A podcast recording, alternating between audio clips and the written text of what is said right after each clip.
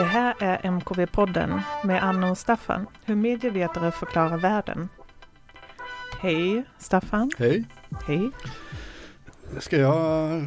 Ja, du har äran att har äran, introducera okej. temat. Temat idag är de rika i medierna, får man väl säga. Mm. Och det här att studera hur olika samhällsgrupper är representeras i medier, det är ett sådär klassiskt MKV-grepp, inte minst bland studenter, studentuppsatser.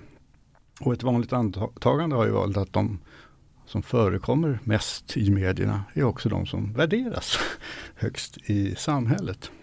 Med undantag kanske tag av just de rika.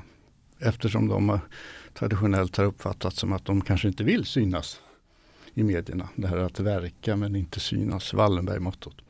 Men nu ser vi ändå rätt mycket av de rika i medierna. Det är också ett sånt där vanligt, vanligt antagande nu då. Alltså i alla möjliga genrer. De kan ju ingå i reality-tv. Mm. Alltså Draknästet och heter det, Undercover Boss. Det här cheferna som tar anställning och sen delar ut allmosor på slutet till de anställda. Men de kan också anställa i, eller förekomma i sån här true crime. Jag har sett flera sådana dokumentärer och fiktion. Den här advokaten i South Carolina som dödar sin mamma och sitt barn. Och det finns ju den traditionen här, vad hette han nu? Durst, The Jinx, alltså eh, brott och eh, de rika. Och i prestigefiktion är det väl liksom nästan, ja det är väl ett klart tema då med Succession och White Lotus och Billions, var sista avsnittet igår. Mm. Solsidan, Mm. lite sådär Ruben Östlund, Mm. knäppa rika människor på en båt.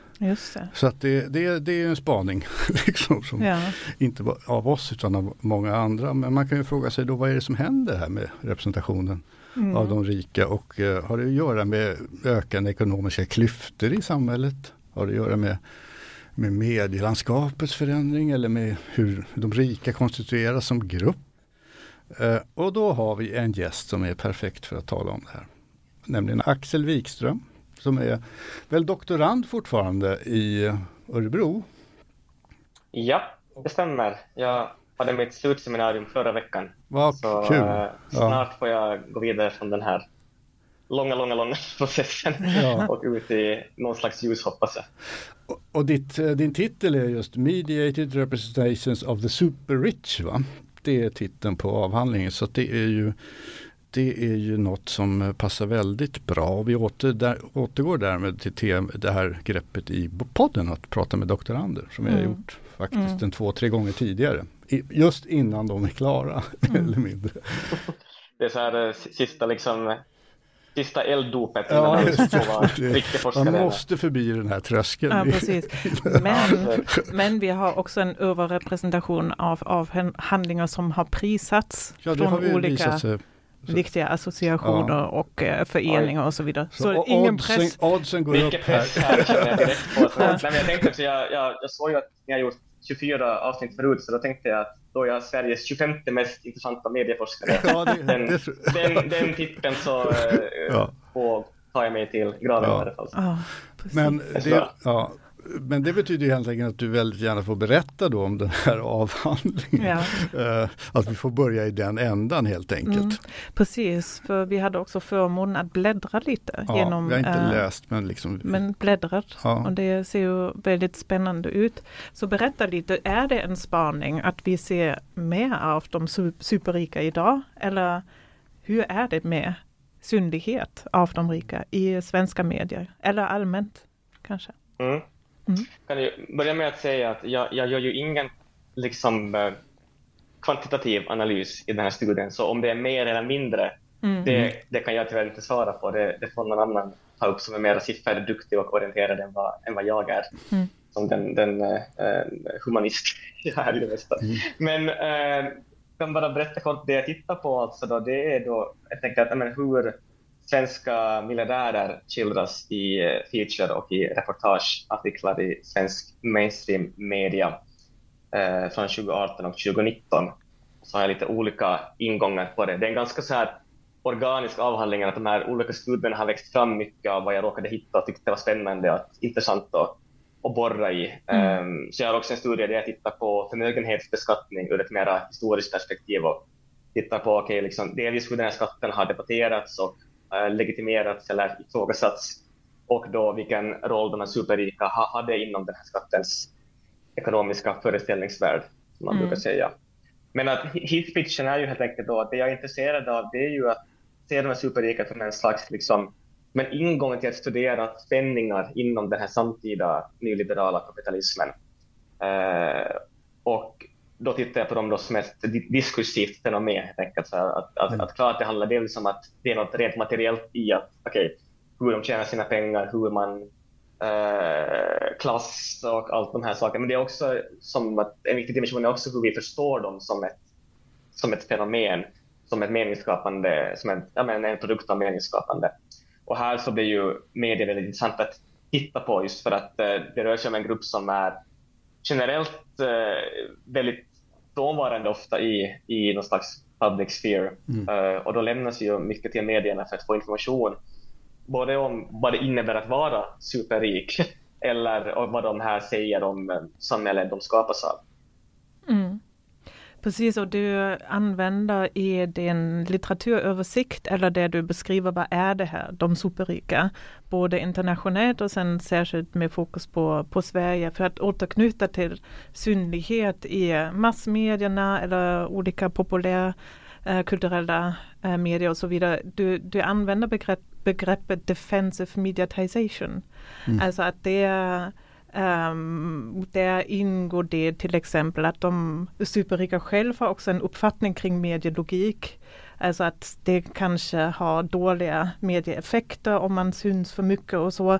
Men även att, det, att de inte är beroende på medierepresentation mm. och att det kan leda till en slags uh, underrepresentation i i medierna. Att de kanske inte syns på samma sätt som medelklassen eller mm. uh, jag ska vara, vara, vara, till och med att det här är inget centralt begrepp i min egen studie. Mm. Uh, jag jobbar inte med meditation i, avhandlingen.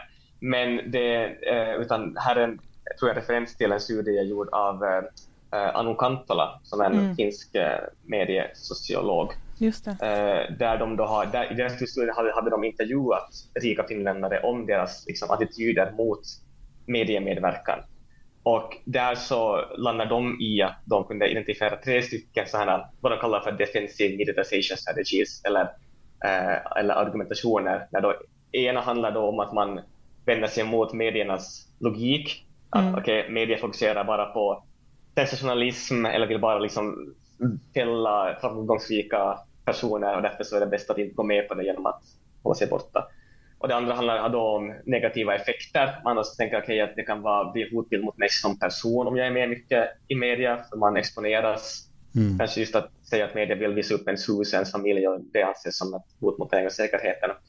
Och sen det tredje som de kallar för media independence, som då handlar om att de rika ofta lägger fram det som att men mitt företag vinner ingenting ekonomiskt på att jag är med i media mm. och syns. Mm. Just för att man kanske driver ett, framförallt de som driver företag som inte är konsumentorienterade, att om jag håller på med någon liten del till ett duschmunstycke, mm. då kanske inte jag måste ut och exponera sig i media. Mm. Och, det, och det här är ju vad, vad de superrika själva eh, anger för, för argument. Medan jag i avhandlingen har ett kapitel där jag tittar på eh, Expressen och hur Expressen så att säga eh, hur, den här, hur de jobbar med den här motviljan mot synlighet som ett, eh, som ett grepp i sina artiklar, hur det blir en del av narrativen, det här med att bygga upp de superrika som anonyma och hemlig, hemlighetsfulla och motvilliga mot att synas.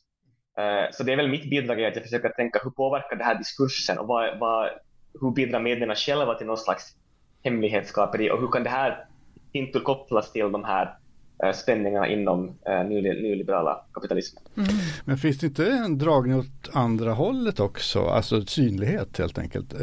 Alltså nu tänker jag sådär spontant på There's no such thing as overexposure brukar ju Trump säga. Men även Elon Musk alltså, och den där typen av, mm. av den högsta procenten som, som verkar jobba med eh, synlighet som, som, näst, som nästan en förutsättning. Alltså. Ja. ja, här får man ju säga att det finns ju inte liksom ett, ett one size fits all ingång mm. utan att, att, att, att vissa är ju direkt beroende av synlighet. Om man tänker man jobbar liksom men tar man en sån här uh, Kardashian-familjen till exempel, mm. där bygger ju hela, det hela deras modell på synlighet. Mm. Men vad jag vill få in är, är att den här typen av Elon Musk och Bill Gates och Mark Zuckerberg, miljardärer, det är ju liksom, det är ju nog mer undantaget än regel ja. i många fall. Att om man ja. går igenom, alltså mitt intresse för den här frågan började ju också med att, att jag tittade på sådana här rikedomslistor som brukar produceras och insåg att jag som en hyfsat samhällsengagerad och eh, påläst person inte kände igen nästan någon av de här allra svenskarna. Och då var det ju, för inom medieforskningen vill man ofta tänka just där, med det här med att, att, att media synlighet är lika med makt. Om det syns mycket, då får mm. du mycket liksom, mm. då får du mycket chans att få din agenda igenom, du får din röst hörd av det här. Om man talar om det här struggles for visibility som John B. Thompson bland annat har pratat om. Mm. Och då var min take, om vi då svänger på det och tänker att här uppe i toppen verkar det ske någon typ av nästan pervers spegelbild av det där man försöker hålla sig borta. Det är nästan en struggle for invisibility. Mm. mm. Och vad kan det tänkas få för följder för hur vi förstår de superrika och för vad samhällsdebatten landar i för frågor? Mm. Mm. Det så. Just det. Det är, det är väldigt intressant vinkel det där att den är producerad av medier. För man kan också tänka att den här idén om, om, om synlighet kan också vara, alltså det är det här myten om det medierade centret. Det mm. finns ett intresse från många olika håll, medierna själva, att, att hävda att, att eh, om man ska räknas med så ska man vara med i medierna. Men så finns det liksom faktiskt en hel värld som, som inte köper den mm, mm. Uh, idén och, och, och, att det är en slags myt. Då. Det, det, är det är väldigt intressant. Ja, precis. Men det kanske vi återvänder mm. till också när vi ska diskutera vår text, vår gemensamma mm. läsning senare. Tänk, tänker jag. Um, vi kan ju bara ha en fotnot. Uh, myten om det medierade. Ska vi ha en fotnot om det? vi kan bara säga att det är en ja, Nicolery. Det är ett Nicolery-begrepp ja. alltså, som är alltså, det är egentligen två delar i den idén. En är att det finns ett centrum i samhället överhuvudtaget, ett, an, ett sådant antagande. Mm. Och, och, att det andra är att tillgången till detta centrum går via medier. Mm. Och det här liksom skriver han om som en, uh, det här är en föreställning. Som, det är naturligt att medierna kanske propagerar för detta men att också medieforskare i allt för mm. hög grad liksom utgår från denna föreställning. Och det mm. här är egentligen något som måste undersökas empiriskt. Liksom. Ja. ja. det var bara en, en fotnot. fotnot. Ja, uh. precis. Men Axel, kan du inte berätta lite mer konkret vad du har gjort? Alltså vad är ditt material? Vad djupdyker du i? Yes, Nej, men, eh, som sagt det är ju tre olika studier jag, jag har jobbat med som, som lite överlappar varandra. Så man kan säga att, att de två första studierna, så då har jag då tittat på så kallade feature-reportage i svensk mainstream media. Då är det Aftonbladet, DN, SvD och framförallt Expressen. För Expressen visat sig vara väldigt dominerande när det kommer till den här typen av eh, så att säga mer eh, long-readiga-aktiga texter. Long-read per av att det är två uppslag om de, om de superrika. Um, så att um, så i då den här um, första studien så där är jag då intresserad av att kolla på uh, det, det, det är fint att lyssna på när ni pratar om medieteori här, för jag tror den, den vanligaste invändningen mot min avhandling från mina handledare också är det här att Axel, du måste ha mera medieteori i det du håller på med. För jag kommer ju från en väldigt så här, social och kritisk teori ingång, att det är det som jag har som själv gått igång på mest, och det är där som mycket krut läggs i avhandlingen. Mm. Så jag tittar på där är att jag, jag jobbar utifrån en filosof som heter, som heter Nancy Fraser. Mm. Uh, och som har en teori om, om att det finns inom kapitalismen finns det olika typer av normativa motsättningar eller olika typer av värdesfärer kan man säga. Eh, och där, i den här studien tittar jag på spänningar mellan vad jag kallar för marknadsrättvisa på ena handen och social rättvisa på andra handen. Och där kan man säga att marknadsrättvisa hänvisar till liksom, helt enkelt en, ett syn på att, att marknaden ska belöna de som bidrar mest och bäst. Eh, och det kan man nästan mäta i termer av hur mycket ditt företag är värt eller så. Och det är det som är det rättvisa sättet att ordna ekonomi. Medan social rättvisa hänvisar till den mer att kulturella aspekten med det här. Okej, okay, vad anses vara berättigat? Vad anses vara så att säga eh, rätt typ av ojämlikhet eller rätt typ av jämlikhet? Så att säga. Och det jag då vill titta på är helt enkelt hur de här mediesätt att prata om de rika kan tänkas mildra de här spänningarna mellan marknadsrättvisa och social rättvisa. Mm.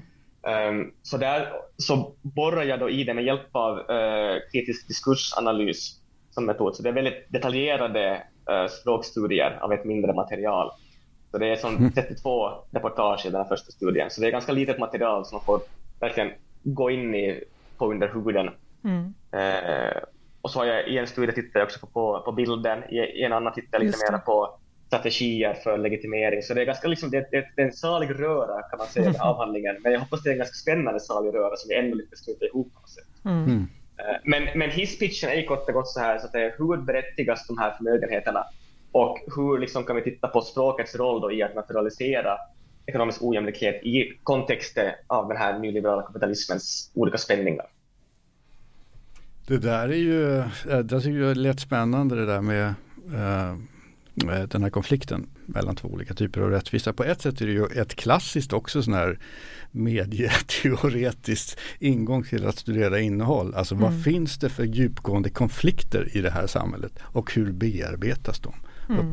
Verkligen, och det känns väldigt relevant i, i kontexten med de superrika för att det är ju liksom Ibland tycker jag man ser slentrianmässiga bitar och det kanske kan vara i en bok som egentligen handlar om de superrika men generellt att det bara står att ja, och i media så hyllas och besjungs de och liksom att uh, man älskar de entreprenörerna. Men det är ju liksom, det är mer komplext än så. Alltså, det finns mycket mm. ambivalenser i det, de här materialet. Och jag tänker också om man tänker på populärkulturen generellt, vilket är mångas ingång till de superrika idag, det är, liksom, så det är succession och det är billions exit. Och det finns det också mycket spänningar mellan liksom att, att, att liksom på något sätt också liksom lyfta någon typ av komplexitet med vad innebär det att vara rik mm. idag. Mm.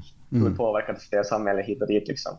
Så att jag tycker att, uh, att, att för mig har det varit en ingång att, att omfamna de här spänningarna också mm. i texterna och mm. försöka säga att, att, att okej, okay, den typ av de frön till kanske kritik som finns här, hur långt kan de ta oss? Och sen landar jag ju ändå i att no, den kan inte ta oss jättelångt, mm. tyvärr. Um, men att uh, istället för att stänga ner spänningar så försöker jag omfamna dem bäst jag kan. Mm. Uh, innan vi gå över till nästa del av podden vi läser tänkte jag bara fråga om du studerar ju den svenska diskursen. Um, finns det någonting specifikt där? För du har ju också tittat lite, du har nämnt den finska studien och kontextualiserar mm. ju ditt material i en forskningsfält som har, det är inte särskilt många som har gjort det, studerat de superrika just från kanske ett MKV-perspektiv. Men ser du någon, någonting som är väldigt specifikt för den svenska kontexten? Ja, alltså, jag men, för det första vill jag bara bejaka det du säger där, där, där att, att, att, att eh, för ni pratar om att det är ett, klassiskt MKV-grepp att kolla på den typen av representationer, mm. men det är ju inte fast att kolla uppåt, Nej. utan att mm. generellt så är det ju att man ojämlikhet är ett fenomen man har studerat underifrån och det ser man liksom, jag tror att eh, Nordicom hade ett, ett klassnummer häromåret som var, hade många förtjänster, men där det också var väldigt typiskt liksom, underifrån perspektiv. Så det här har ju kommit kanske senaste 10-15 åren, att, att, att man börjar se ojämlikhet som ett fenomen som också behöver förstås ovanifrån. Men om jag bara ska säga, säga generellt för, för det svenska, alltså jag att, att, att något som ju är spännande är ju att man ju ser de här liksom, um, man ser på nyliberalismens flexibilitet tycker jag i, i de här liksom, reportagerna, att man kan använda olika typer av värderingar eller värde, så att säga, system för att bedöma olika miljardärer. Att man vill gärna besjunga de här som har jobbat upp sig från en fattigare bakgrund och visa på hur klassresor är möjliga och man började med två tomma händer och, och eh, så mycket en sån här kanske meritokratisk aktig så här, värdegrund man bygger på där. Samtidigt så om man då tittar på arvtagare, då är ingången spontant att men det här borde bli kämpigare för att det här finns det ju mer att man haft en ganska stor headstart i livet. Men där ser jag att man snarare då lyfter fram det här med, det här med kontinuitet och med att när det sitter i ryggmärgen och nästan att det blir mm. någon slags så här kontrast mot den här finansiella ansiktslösa kapitalismen. Uh, och att det då snarare handlar om att, om att borra i frågan att är de här arvingarna, har de, har, har de rätt kompetens för att kunna hålla företaget uh, marknadskonkurrenskraftigt?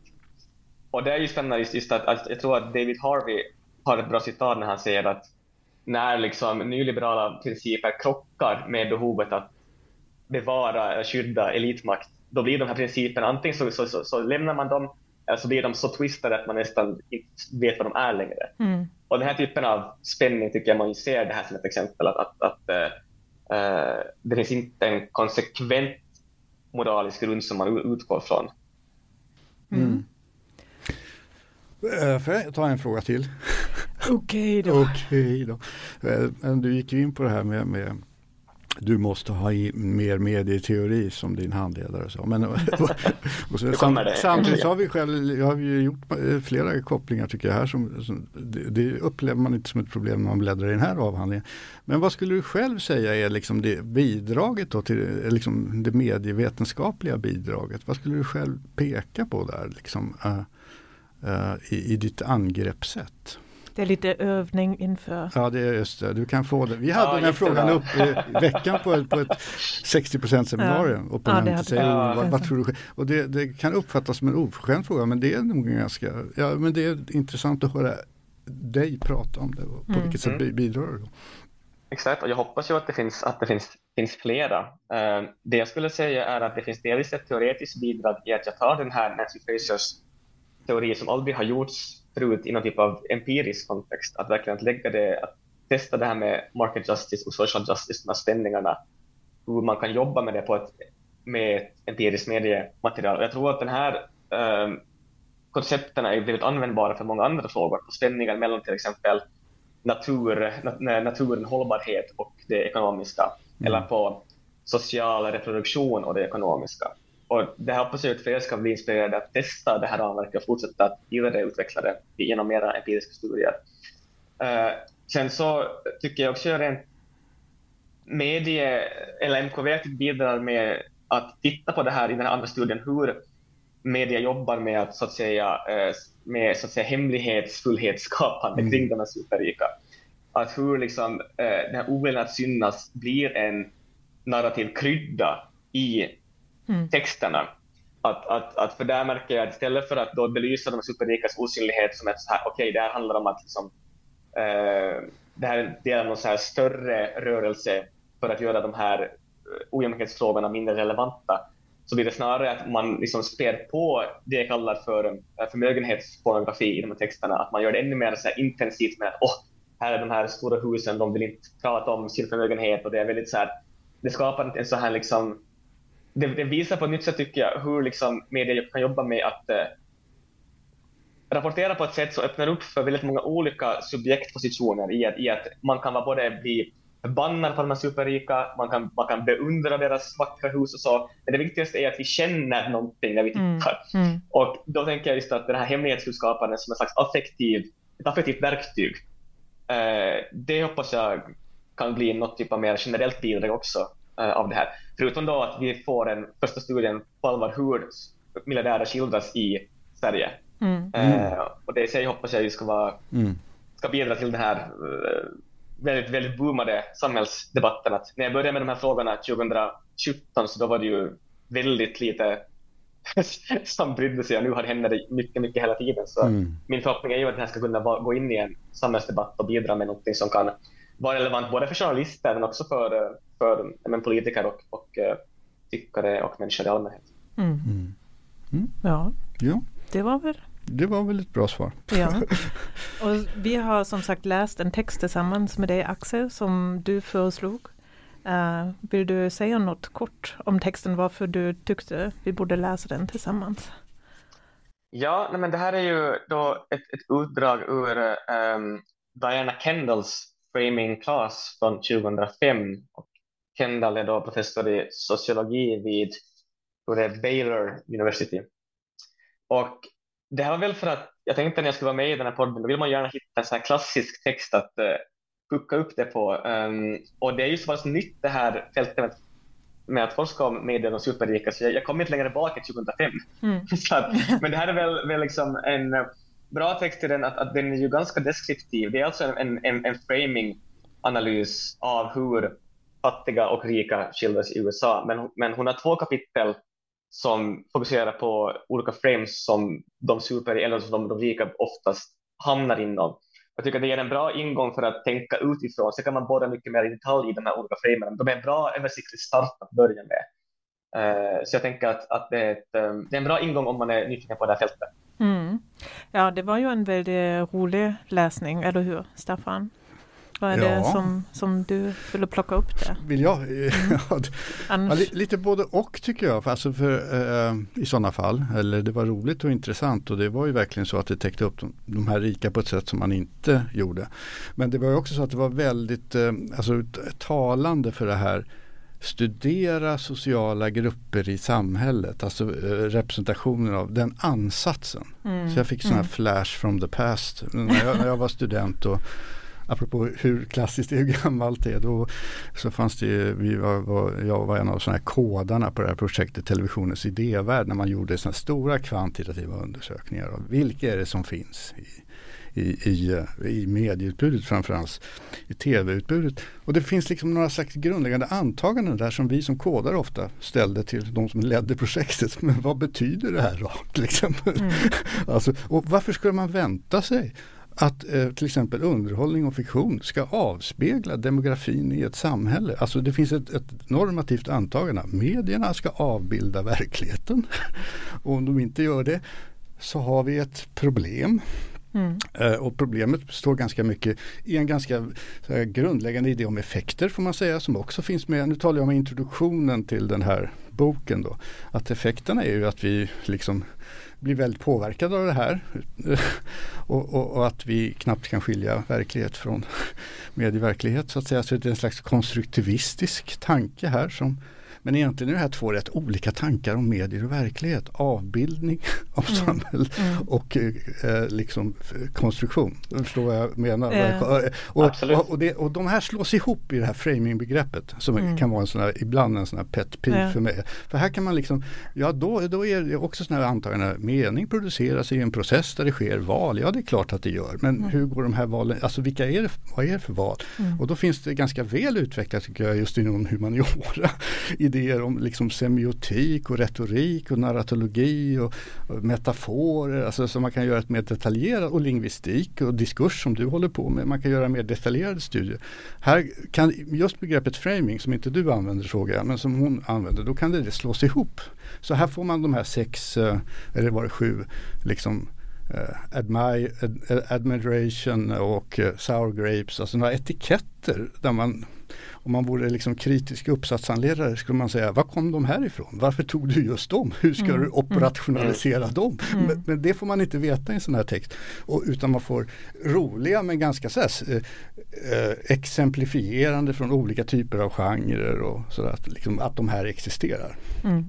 Och det var det som, alltså att det uh, har vi inte kommit längre tänkte jag om man ska ta den mm. i, i mm. hur man ska studera det här. Men då tyckte jag i och för sig att jag blev uppiggad av att bläddra i din avhandling för där ser det ut som att du har kommit längre. Ja. alltså, det är tänkte, enkla ja. slutsatser. Men jag håller med, det, det, är väl också ett tecken på att det, det är delvis att den har flera på nacken men att det, ja. den är ju skriven av en sociolog som har gått in och tittat på media och inte kanske har börjat från medieperspektivet. Mm. Mm. Jag, jag tycker ju själv att fördelen med att jobba med eh, ett mer kritiskt diskursbegrepp är ju att det finns en större förklarande mm. ansats i att försöka komma åt ja. någon typ av underliggande mekanism i det. Mm. Så att, att jag tycker att den här texten funkar som en, en, en deskriptiv ja, ingång det, det att tänka utifrån. Men, men att, att jag, jag delar helt din analys. Att man, ja. Jag tror också att det att man ofta fastnar i att man tittar på presentationen mellan superdikar, det är också att det är ju en demografi som är svår att komma åt i, i att intervjua för forskare och att ja. liksom, den här finska studien är ju ett jättefint undantag.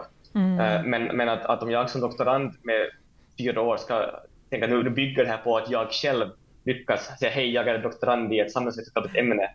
Vill du prata om dina medievanor? Det hade mm. varit ganska riskabelt att det inte hade gått. Så det är också liksom mm. den dimensionen att man ofta vandrar i. Då får jag titta på på bilderna på texten. Ja. Då, liksom. mm. Så vi bara försvara lite på, det, på den punkten också. Ja. Ja, men, men, det är jag, ju inte det bara. Nej, det är, är inte det. Utan jag, jag, jag, med att bara igen, med, vad du gör är ju det här att du liksom utgår för, till exempel från en, en tänkbar konflikt i, i, den historiska situationen i kapitalismen. Mm. Och så tittar man på det mm. istället för att liksom börja med representationen av i termer av frekvens mm. och förekomst. Liksom. Mm. Och det, det, jag tror mer på det helt enkelt mm. som en ingång.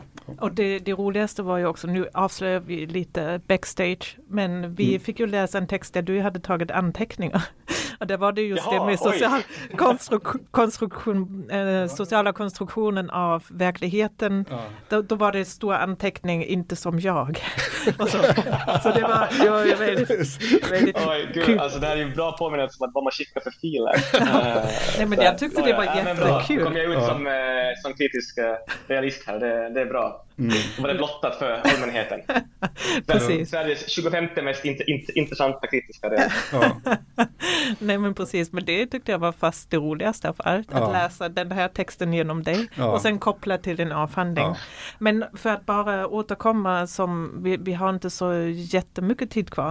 Uh, men är det någonting annat från texten som du tycker vi borde plocka upp eller som Eh, uh, förutom att det är en bra introduktion, det ger en översikt och också att man läser uh, representationen av de rika nu var jag liksom, de här sex eller sju kategorierna, mm. de ger ju ändå ett slags raster som ja. man, eh, till och med som stämmer på det här som har kommit senare än 2005, alltså Succession, Billion, Solsidan, det jag mm. talar om. Alltså det ger ju, så här kan man tänka att det är det. Det är inte bara mm. att vi sitter och hånskrattar och hur dumma de rika är, utan det, det händer flera saker samtidigt här mm. antagligen. Och det mm. kommer ju fram i den här analysen tyckte jag bra. Alltså. Ja.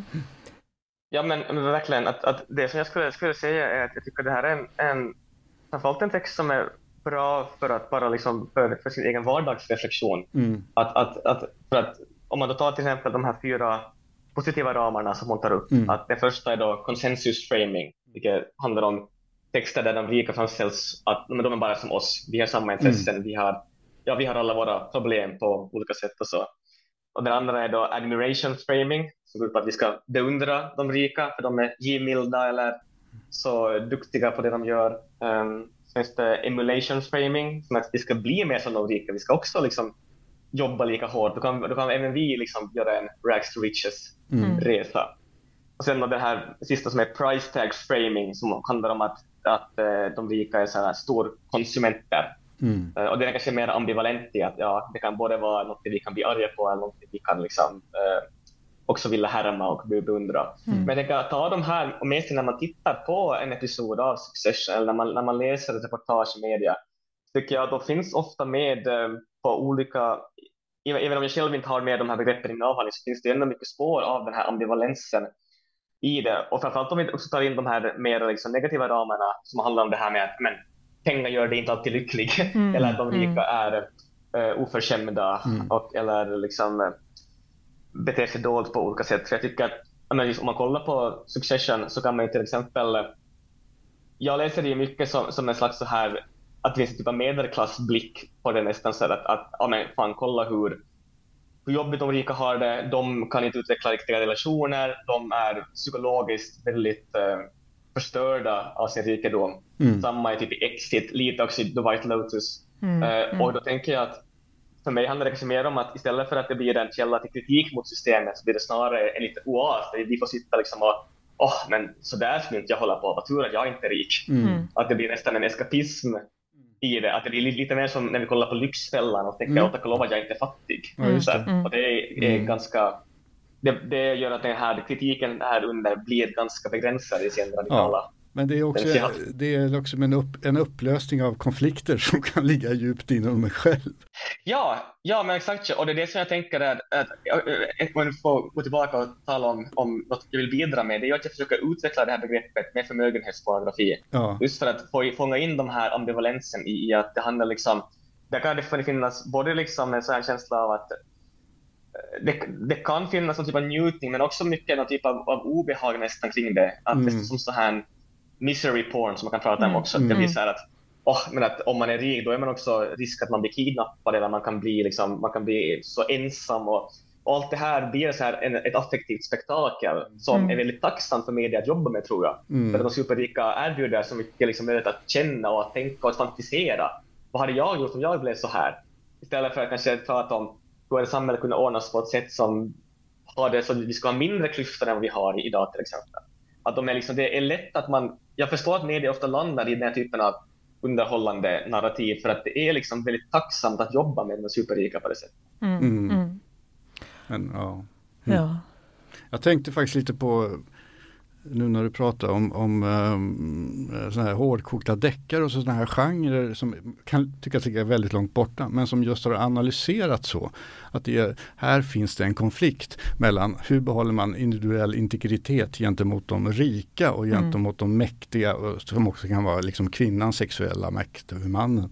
Jo, man, man uppfinner en privatdeckare som sätter dit de jävlarna på ett våldsamt sätt. Liksom och som bevarar sin, utmanas, lockas och sen så bevarar integriteten. Det är mönstret. Och då har man det där upplösning av, man drar in människor i en värld och sen så upplöser man konflikten. Och att det där skulle kunna vara medelklassens sätt att och liksom mm, närmare, titta på Succession. Mm. Mm. Här har ja, vi... Det, det, det, det, kunde det vara absolut, och, liksom att, att, att, och men något som jag ändå liksom, i min egen avhandling försöker lyfta fram som en huvudpoäng, det är ju att den här typen av, av reportage och, och, artiklar, man, man, um, man kan ofta diskutera liksom, rikedomens så spelregler. Mm. Att vad ska vara liksom, rätt sätt att få bli rik på? Hur ska man få tjäna sina pengar? Hur ska man vara som rik? Vad är rätt sätt mm. att bete sig? Och det här. Mm. Men att det blir lite fokus på ojämlikheten i sig som ett ja. samhällsproblem. Utan ja. det är mycket det här med att alltså, själva spelet är sällan ifrågasatt, men spelreglerna kan vi ofta landa i. Och då kan man ju vända och säga, ja, ska den här genren ens hålla på med sånt? Det ska ja. bara underhålla. Ja. Men då tänker jag att då vill jag bidra med att så fall väcka tankar att genren kunde ju också bli något annat. Det kunde bli ett, en ingång.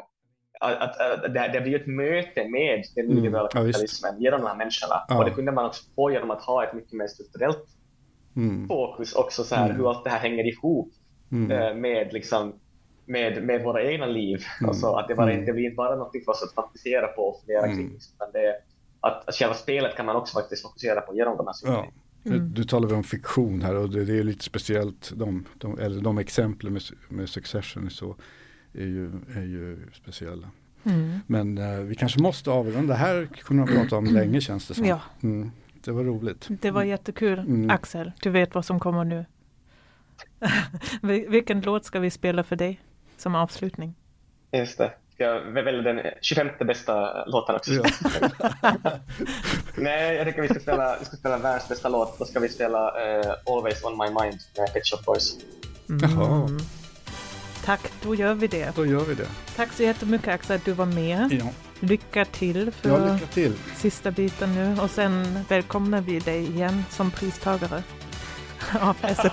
Du jinxar sådana här saker. som doktor. Ja, som doktor. Vi börjar det. Vi börjar det. Ja, tack. Mm. tack. Vi, vi siktar på det. Mm.